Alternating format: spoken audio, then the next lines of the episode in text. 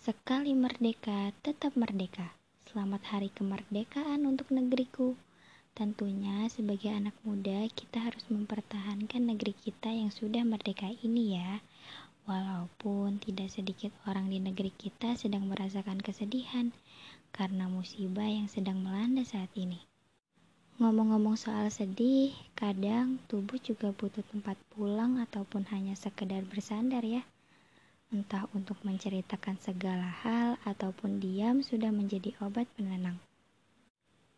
Oke oke, udahan dulu ya sedihnya. Mumpung lagi hari merdeka, kemerdekaan itu kan identik dengan perjuangan ya.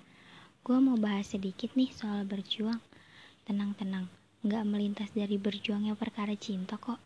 Menurut para patah tumbuh nih, memperjuangkan seseorang itu gimana sih? Banyak gak sih di sini yang udah berjuang tapi malah salah orang? Yang udah berjuang tapi malah gak dihargai. Dan yang lagi zaman nih, udah berjuang taunya di ghosting. Aduh. Serius deh, tolong dong hargai perasaan seseorang yang udah ngorbanin hatinya demi milih lu aja. Hargai seseorang dari sedikit yang kita punya dan hargai seseorang jika kamu mau juga dihargai.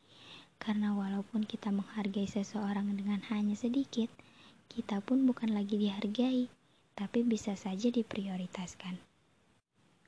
Dan berjuang itu bukan hal yang gampang tahu. Gak sedikit orang yang udah berjuang, tapi yang terpilih bukan dirinya. Dan gak sedikit orang dari ia yang disia-siakan, itu selalu berpikir begini, apa aku takut untuk jatuh cinta lagi? Apa nantinya hanya aku yang mencintainya, dan ia hanya berpura-pura saja? Jadi, untuk kalian yang sedang berjuang demi hal apa pun di dunia ini, teruslah. Gue yakin ada puncak di atas gunung yang indah walaupun pendakian itu sangat sulit. Tetap semangat para patah tubuhku.